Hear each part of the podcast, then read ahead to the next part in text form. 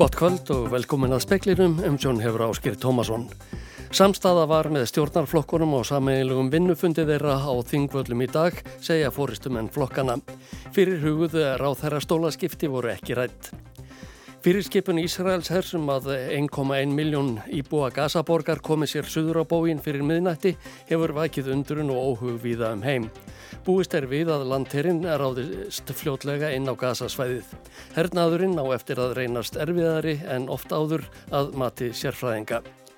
Líkur hafa aukist á að kvikugangur myndist undir Færadalsfjalli á næstu vikum eða mánuðum. Stjórnkerfi fyrirtækja búa sig undir snúin þriðudag 24. oktober þegar bóðað er til sólarhengs kvennaverkfalls. Forki ríkinni borga ætla að draga af launum kvenna og kvára vegna þáttöku í skipulagri dagskrá. Frankvandastjóri Sán hjálpar segir húsakost kaffistofu samtakana laungu sprungin vegna þess hver gestum hefur fjölgað síðustu mánuði. Hernar sagfræðingur segir áhugja efni að allþjóða samfélagið virðist ekki ætla að þrýsta á Ís Ísraelsk stjórnmöld að fara að alþjóðlegum mannúðarlögum og lögum um hernað. Ísraelski herin hefur gefið íbúum norðurhluta gasa frestið þar til snemma í fyrramálið til að hafa sig á brott áður en hernaðar aðgerðir hefjast. Erlingur Erlingsson, hernaðarsakfræðingur, segir að bardagar í þjættri byggð eins og gasa séu sérstaklega hættulegir. Bardagar inni í borgum eru erfiðasta tegund hernaðar, bæði fyrir herrlið að ná markmiðin sínum og mjög hættulegt fyrir almenna borgari því að mjög erfitt að greina milli hernaðalegra og borgarlegra skotmarka. Þannig að erfileika stíði verður ennþá herra fyrir vikið og líklegt að mannfall verður meira bæði hjá Hamas, Ísraelsher og svo almenna borgurum. Ég held að þessi eðlert að hafa í huga að, að Ísraelsmenn þurfa að grípa til einhverja aðgerða til að svara þessum hörmulugu árásum og almenna borgara sem að gerðast um síðustu helgi en það er líka mjög undir alþjóða samfélaginu komið að beita þá þrýstingi að það sé farið að, að, að lögum um hernað og mannúðar lögum alþjóðlegum og hinga til virðist ekki vera að þeir ætli sér að gera það og það er mikið áhengi efni. Þetta var Erlingur Erlingsson. Nánar verður fjallað uh, rætt við hann í sjómarpsfrettum og fjallað verður frekar um stöðum mála fyrir botni miðjararhafs síðar í speklinum. Forsættisráð þeirra segir stjórnarsamstarfið ekki hafa staðið ótraustum fótum síðustu vikur. Þótt erfið mál hafi komið upp hafið þau alltaf verið leist. Formaður framsóknarflokksins segist ekki hafa verið eins bjart síðan í margar vikur eins og nú að loknum samægilegum stjórnarflokka fundi á þingvöllum í dag. Ekki var rætt um ráð þeirra stólaskipti á fundinum og verst formaður sjálfstæðisflokksins allra frétta. Eru fleiri hrókaringar en þín sem eru fyrirhugaðar? Já, ég get bara ekki tjá mig um það fyrir morgun. Finnst þér það líklegt? ég sjáum til á morgun. Það var að kynna nýja ráðhraskipan á morgun, var hún kynnt á fundinum? Nei, þetta var vinnufundur þinglokana sammeilur, það skýrist á morgun. Voru samskipti eh, flokkana eh, rætt? Já, sjálfsög, það er svona eitt af því sem þú gerir á vinnufundum. Mér fannst stemningin á fundunum vera gríðarlega góð og geng út eftir þennan vinnufund miklu bjartsinn og ánæðri heldur en ég verið bara í margar vikur. Við vorum að ræða vakstastig, verðbólgu, undibúning fyrir kjærasamlinga framöndan, þannig að hann var ekki haldinn til að taka sérstakar ákvarðanir, heldur vorum við að fara yfir stöðuna og skiptast á sjónamið. Var eitthvað rætt um þá orðuræðu sem hefur átt sér stað á, á milli þingflokkana undarfarna mánuði? Já, við rættum aðeins okkar samstarf og uh, hvað við getum gert betur í því og það var bara mjög góð og hreinskiptin umræð en það sést þá þeim sem eru að yfirgefa fundin og það er mjög lett yfir fólki. Hefur Ríkisvöldans samstarfi staðið ótröstum fótum einhver tíman undan farnar tværi vikur? Nei, það myndi ég nú ekki telja. Ég menna þetta er Ríkisvöldans samstarf þryggja ólíkra flokka og það hefur auðvitað alls konar gengið á á þessum sex árum uh, sem við höfum starfað saman og það er auðvitað bara ekki nefn aðrilegt að það kom upp ímis erfið mál en ég held að það sé alveg óhætt að segja við höfum alltaf náða að leysa úr þeim einfallega með því að tala okkur nýra á niðurstöðu. Sáðu Katrín Jakobsdóttir, Sigurður Ingi Jóhansson og Bjarni Benediktsson í viðtali við Benedikt Sigursson á Þingvöllum. Þau hafa bóðað til frettamannafundar klukkan 11 í fyrramálið. Ríkisráðsfundur verður haldinn á bestastöðum eftir hádegi. Um það byrj 70% vilja að Bjarni Benediktsson, fráfarandi fjármála og efnahagsar á þeirra, hætti alfarið í ríkistjórn og flestir eru ánaðir með ákvörðunans. Aftur á móti ber fólki ekki saman um hvort ákvörðunin styrki eða veiki ríkistjórnina. Tvær kannanir voru byrtar í dag um afsókn fjármálaráðara, þjóðarpúls Gallups annars vegar og könnun Maskinu hins vegar. Í þjóðarpúlsinum segjast 69% neikvæð gagvart því að Bjarni Benediktsson tæki við nýju ráðherraembætti í ríkistjórn Íslands. 41% segjast að ölluleiti neikvæð, 16% mjög neikvæð og 12% frekar neikvæð. Um 22% eru að einhverju leiti jákvæð gagvart því og 9% korki jákvæð nýja neikvæð. Þetta er í takt við könnun maskinu sem kom út í dag. Þar hvaðust 71% vilja bjarnaburt úr ríkistjórninni. Mikill meiri hluti er ánaður með ákverðin bjarnægum að segja af sér. Í þjóðarpúlsunum eru þrýr af hverjum fjórum um 75% ánaður með ákverðununa meðan 9% segjast óanægð. 17% sögust kvorki ánað nýja óanægð. Í könnun maskinu hveðast 80% sammála ákverðin bjarnam og rúm 6% ósamála henni. Hvort afsögn Bjarnar hafi styrt eða veikt ríkistjórnina verðist fólk ekki sammála um. Þriðjungur eða 33% heldur að ákverðunin hafi styrt ríkistjórnina og þriðjungur telur hann að hafa veikt hana. Búist er við að nýr fjármálaráð þeirra verði kynntur á bladamannafundi ríkistjórnarinnar klukkan 11 í fyrramálið. Þá kemur einni í ljóskvort Bjarni haldi áfram innan ríkistjórnarinnar í öðru ennbætti. Ari Pál Karlsson sagði frá. Landreis á Reykjanes skaga hefur tekið breytingum og vísbendingar eru um hröðun á reysinu. Líkur hafa aukist á að kvikugangur myndist undir Fagradals fjalli á næstu vikum eða mánuðum. Þetta kemur fram á veðurstofunar. Land hefur reysið um 3 cm frá því í ágúst sangkvamt GPS-mælingum við Gónhól. Það er hóllin sem margir klifruð upp á til að verða fyrir sér gósið í geldingadölum 2021.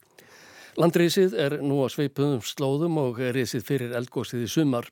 Vísindamenn viðurstofunar segja að þensluna megir ekja til kviku sem sapnaðist fyrir á 10 km dýpi.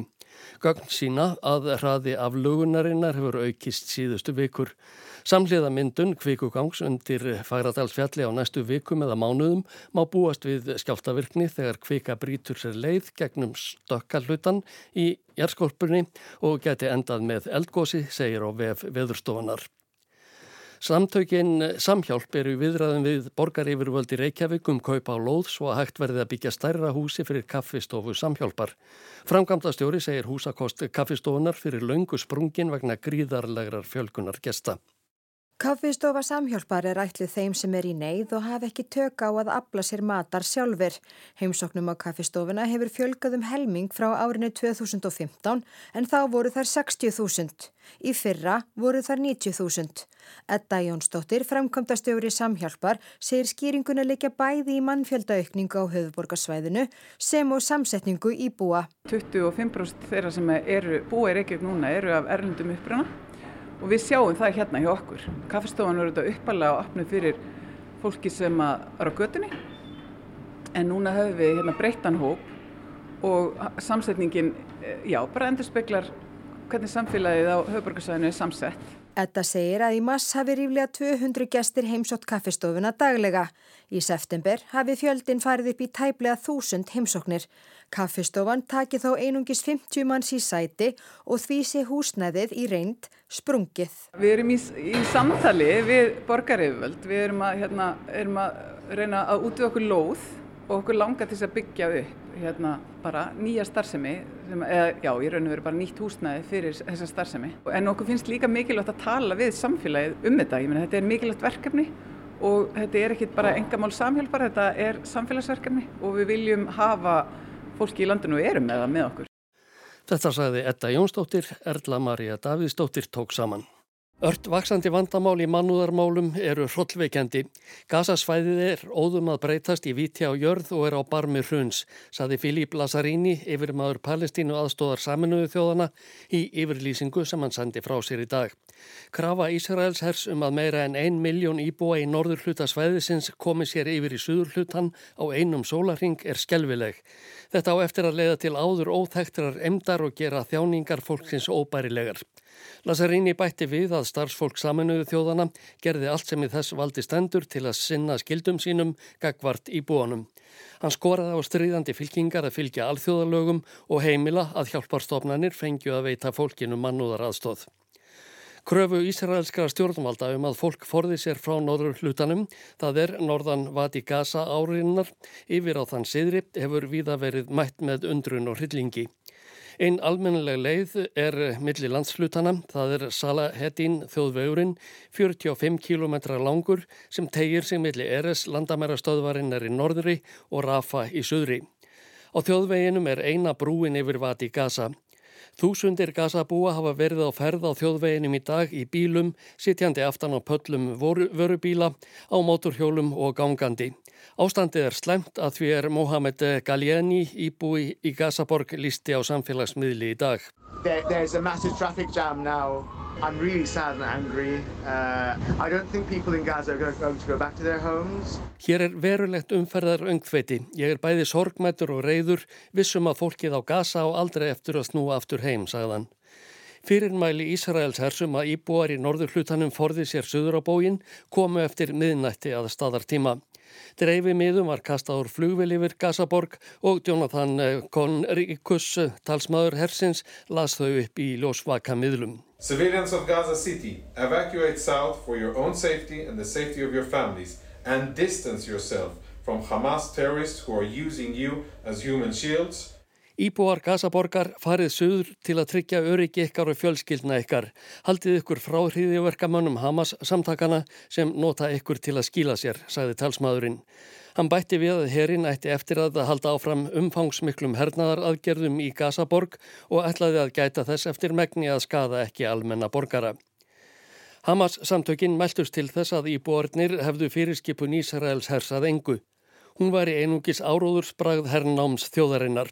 Þúsundir ætla hverkið að fara, heldur býða örlaga sinna, þeirra á meðal Amdati Jabati. No, we'll not evacuate. This is 1.1 million people. It needs months to uproot 1.1 million people. Nei, ég fer hverki, sagði hún. Hér býr 1,1 miljón. Það tekur marga mánuði að flytja slikan fjölda á brott. Um Hossan fer heldur hverki. Hvert á í svo sem að fara, spurðum fréttamann AFP. Hversu lengi halda þessar loftára á sér áfram? Þær eru gerðar um allt gasasvæðið. Við skorum á Araparíkin að koma okkur til aðstóðar. Hvar eru þau eiginlega, sagðun og greitt. Nokkur hundruð þúsund ísraelskir hermenn eru við landamæri Ísraels og Gaza og býða fyrir mæla um að ráðast inn á svæðið. Það getur gerst á næstu klukkustundum eða eftir nokkra daga. Erlingur Erlingsson, hernaðarsagnfræðingur í Lundunum, fór yfir ástandið fyrir botni miðjararhafs á morgunvaktinni á rás 1 í morgun. Hann segið að hersins býði miklir erfiðleikar.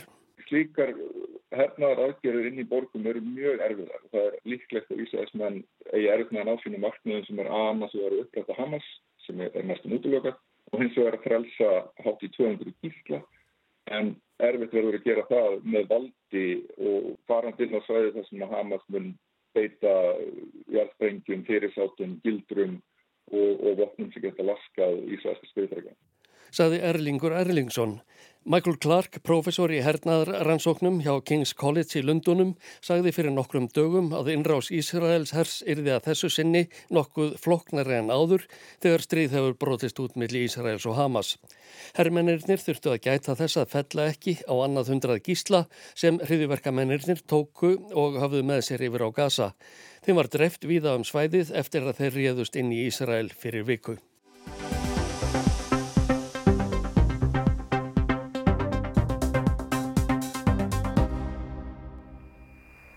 Já, er Neskópstæður komin á línuna? Já, gerður hér. Já, sæl og blessu gerður. Já, blessaður. Það er gerður Óskarsdóttir í skólastjóri. Hvernig var dagurinn hjá ykkur í dag? Við erum ofsar hessar hér með daginn. Já, var þetta... Þáttakann í þessu verkvalli eða hvernafrí eins og með nefna það, hún virðist bara að vera rúmlega 99%. Ég hef rétt, rétt um tvær konur sem mættu til vinnu utan heimilis í dag. Þetta var eins og framkom gerður Óskarsdóttir þá skólastjóri í Nesköpstað. Fredrik Páll Jónsson, fréttamaður, rætti við hana í beitni útsendingu úr útvarpsal að kvöldi fyrsta kvennafrítagsins 24. oktober 1975. Svipaða sögu var að segja af landinu öllu. Þorri kvenna um 90% lagðinuðu störf, launuð og ólaunuð. Fimm sinnum til viðbótar hafa konur gengið út 1985, 2005, 2010, 2016 og 2018, alltaf á degi saminuðu þjóðana, 24. oktober og nú á að ganga út en eina ferðina. Er ríflega 30 samtök og hópar standað því sem nú er kallað hvenna verkfall til að leggja áherslu á að lengur verði ekki beðið eftir úrbótum. Og þá ekki að ganga út á miðjum degi eins og oft áður heldur eru konur og kvár kvött til að leggja niður störf allan daginn eins og fyrir 48 árum. Raunar í heilan sólarhing frá miðnætti til miðnættis. Þá er ekki bara átt við að konur mæti ekki til vinnu, heldur líka að það er annars ekki börn. Sjáu til dæmis ekki um að gefa þeim að borða, smyrja nesti, sinni ekki veikum fjölskyldumæðlumum. Sleppi öllu sem talist gæti til starfa, hvort sem svo vinna er launuð eða ólaunuð eins og umönnun barnað, sinna heimili eða þriðjúaktinni. Í staðin mæti þær sem geti á Arnarhól klukkan 2 og réttir að nefna að utan höfuborgarsvæðisins eiga líka að vera viðbörðir. Í upplýsingum um verkvallið segir að markmiði með því sé að kalla eftir aðgerðum stjórnvalda, atvinnureikanda, stjættarfélaga, félagasamtaka og annara stopnana gegn ofbeldi og launa þjófnaði. Atvinnutekjur kvenna séu enn 21% lægri enn karla. Hefðbundin kvennastörf séu enn talsvert verð launuð en karlastörf og ótrúlegur fjöldi kvenna verði fyrir kynbundnu og kynferðislegu ofbeldi á lífsleðinni. En hvað gera vinnuveitundur og hvað verður um börnin? Börnin í Reykjavíkuborg eru mörg hver á könnu eins Karls, svona þannig lagað. Hann heitir Helgi Grímsson og er sviðstjóri skóla og frístundasviðs Reykjavíkur. Fjölmerkar konur starfa á því sviði í leikskólum, grunnskólum og frístundaheimilum, svo eitthvað sé nefnt. Það er halda starfseminni raunar uppi.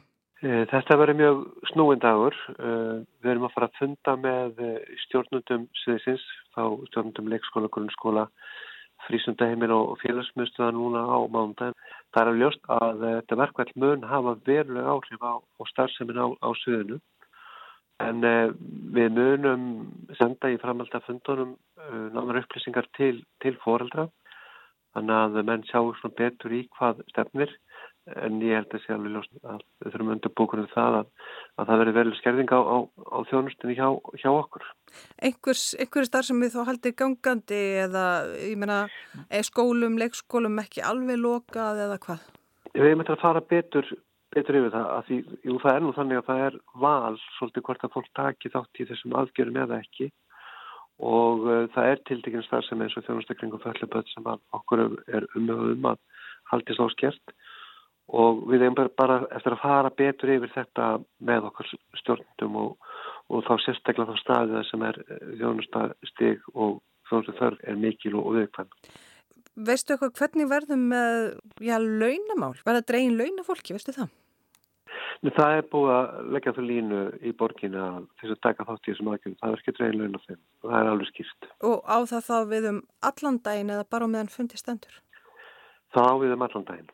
Þetta var Helgi Grímsson, sviðstjóri hjá Reykjavíkuborg. Hann hvetur feður af á frændur til að standa vaktina þennan þriðudag. Rétt er að taka fram að þó talað sé um hvenna verkfall, þá er þetta ekki verkfall í skilningi vinnulögjafar og heldur ekki frítagur launafólks eins og bent er á inn á vefnum hvennafrí.is. Hvað verður um gamla fólkið á hjúgrunarheimilónum?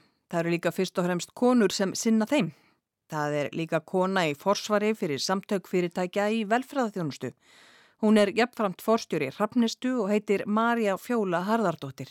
24. oktober er náttúrulega stór dagur þar sem eh, heimilin, hjúkurna heimili almennt og velferðarstofnarnir eru almennt stóri vinnu, hvenna vinnu staðis. Þannig að við hefum heilt frá aðaldafélögum SFF að það er mikill áhug fyrir því að stuðja konur í hérna sinni baráttu, ekki kynbundnum misrætti og samt tryggja öryggi í okkar þjónustu þannig að við þurfum að láta þetta tvönt fara saman og það er vel hægt og við ætlum bara að fagna þessum degi með konum.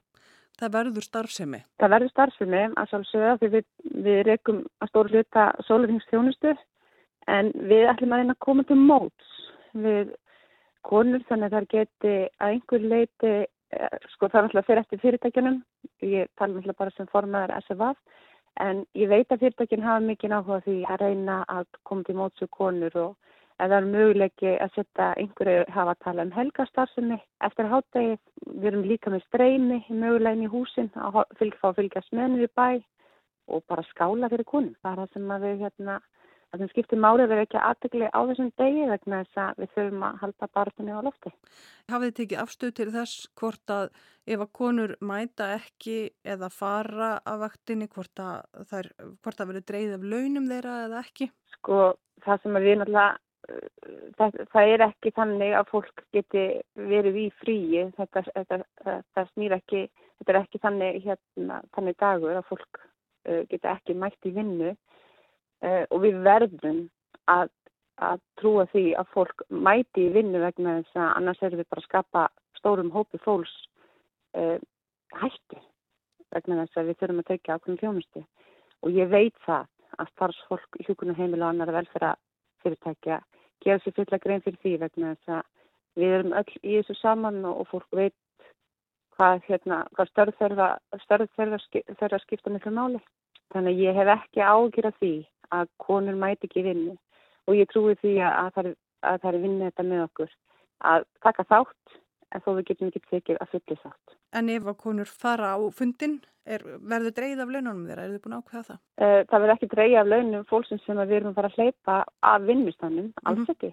Það verður bara, hérna, fólk verður bara launum og við erum bara raun og verið teljum þetta verður bara hluti af deginum, af vinnudeginum, en ef fólk mætir ekki vinn og tekur ákveðinu sjálft og er ekki inn í þessu skiplega með okkur, þá við höfum svo sem ekki rætt hvað verður það því, en ég vona bara að fólk síni skynsinu og, hérna, og geri það ekki, vegna þess að það er ekki að valda bara fyrirtækinu tjóni, það er að valda fólki sem er fórvegt tjóni. Fjölmennasti vinnustæðu landsins er landsbítalinn og 80% starfsmanna hans eru konur. Í brefi sem sendt var á stjórnendur á spítalanum segir að framkvæmdastjórnin vinni að því að skipulegja hvernig starfseminni verði háttað 24. oktober. Stjórnendur eru kvattir til að láta karla ganga í þau störf sem er geta og jafn framt að varpa hugmyndum fram um hvernig megi skipulegja daginn þannig að konur og kvár sem starfa á spítalanum geti tekið þátt í deginum að hluta eða í heild. Fréttastofa hefur heyrt af því að fólk hafi verið afbóðað í ungbarna eftirlit og bólusetning og heilsugjæsli þennan dag. Orkuveitu samstæðan hvetur konur og kvár til að leggja nefn störf þennan dag. Frest hefur að lókun bókasafna og svo framvegs. Og hjá fjármálaráðunindinu fengust þær upplýsingar að stjórnendur væru í samráði við starfsfólk kvartir til að leggja sig fram við að skapa aðstæður fyrir konur og kvár til að taka þátt í skipulaðri dagskráð þennan dag. Áhersla sé lögð á að skipulagið tæki miða því að hægt verði að veita nöðsynlega almanna þjónustu. Ekki verði litið á fjárvestir kvenna og hvárs vegna þáttöku í skipulaðri dagskrá í samráði við stjórnenda sem óréttmætar nýja dreyið verði af launum vegna þeirra. Það gæti því orðið fjölmenta á Arnarhóli og víðar 24. oktober næstkomandi. En hverfum aftur á Norðfjörð á hvernafrítægin 1975 og gefum gerði Óskarsdóttur orðið.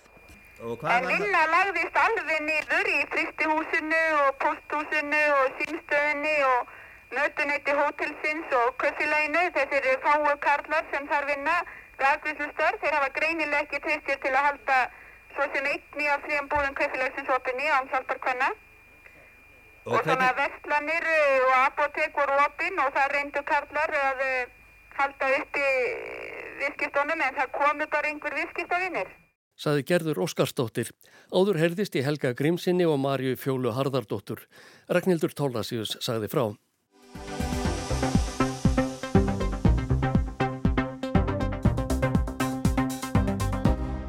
Á haustin fyllast samfélagsmiðlar að minnstakosti sumra.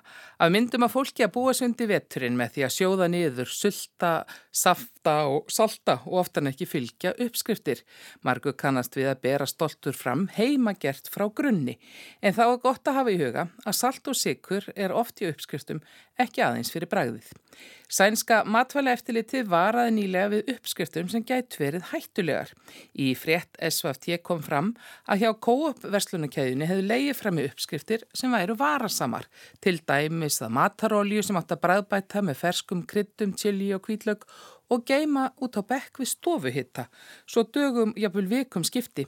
Þetta kallast ekki góðu latína, ekki síst í ljósi þess að í september lést kona í Fraklandi úr bótulíneitrun og nokkur er veiktust alvarlega eftir að hafa borðað heimagerða sardínur í olju.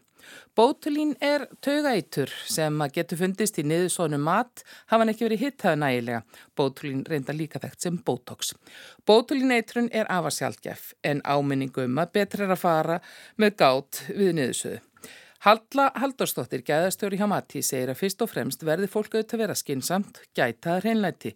Bakterjur eru allt í kringum okkur og fæstar skadlegar. Og það er svo ábúrslega lítil prósenda af þessum bakterjum sem eru sjúkdómsvaldar.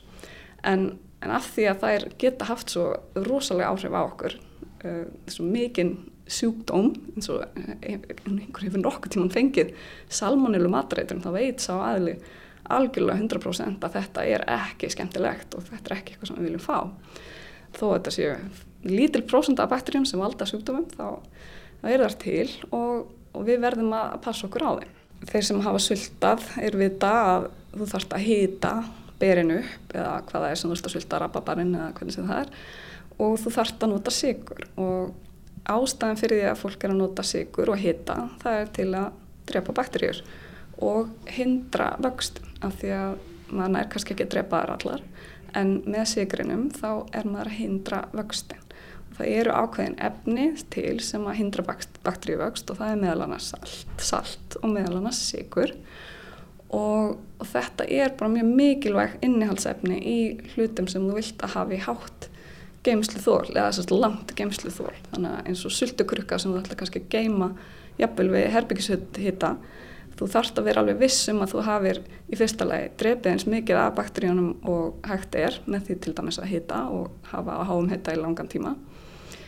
Og svo með því að hafa innihaldsefni í sultunni sem að kemur í vekk fyrir það að ná að grassera og svo að geima í krukku sem er loftþétt þannig að það komist ekki e, nýjar bakteríur inn í sultuna á meðan þú ert að geima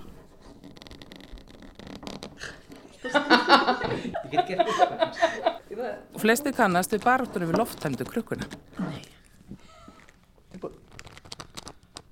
Nei. Ef maður skoða gamlar uppskriftir þá var oft til dæmis bara mjög algengt viðmið við sultun er kíló móti kílói. Mm. Þetta svona setur svolítið í okkur í dag og finnst það ansi mikið og margir vilja minga sikur og salt því að það er nú kannski ekki endilega sérstaklega heilnæmt fyrir okkur. Já, en uh, ég hvet bara alla til þess að nota svolítið gaggrína hugsun þegar verður þeirra eiga við uppskriftir hugsaðu uh, af hverju er þetta efni í uppskriftinni, hvaða tilgang hefur það. Ef að efni er í uppskriftinni einungist út af bræði þá, já já, þá má alveg kannski eiga við það. En í svona hlutum þar sem þú ert að nota sigurinn eða saltið til þess að hindra bakteríuvöxt, þá skaltu hugsaðu um tvísvar. Og, og svo er þetta líka kannski hvenar ætlan að nota söltuna. Ef þú ert að búa til söltu sem þú ert að nota samstöndist, þú ert bara að búa til þessa einu krukku til þess að nota í þessa einu köku sem þú ætlar að borða bara núna um helgina þá er það kannski allt í lægi veist, þá hérna, hefur það kannski ekki mjög mikil áhrif en ef þú ert að fara að geima þetta í lengri tíma og viltur að vissum að uh, þetta verði sem örugt sem lengst sem örugast sem lengst þá er betra að fylgja uppskriftinni Þetta sagði Halla Halldórsdóttir, Anna Kristín Jónsdóttir talaði við hana. Veðurhorfur næsta sólaring, norðan 10 til 18 metrar á sekundu austan til en hægir smám saman annar staðar. Víða jél en yfirleitt þurrt sunnan heiða. Það fer kólnandi. Vestlæg eða breytileg átt 3 til 10 og jél í fyrramálið en hlínar síðan með stökku skúrum eða slittu jéljum. Hiti verður 0 til 60 eftir hádegi, þurrt að kalla á norðaustur og austurlandi og vægt frost. Fleira er ekki í speklinum í kvöld. Dæknimaður var Magnús Þorsteit Magnússon, fretta útsendingu stjórnaði Anna-Lísa Hermannsdóttir. Frettir verða annars sagðar í sjónvarpi og á rást 2 klukkan 7, útvarpsfrettir klukkan 10 í kvöld og frettir eru uppfærðar á vefnum allan sólarhingin. Verði sæl og góða helgi.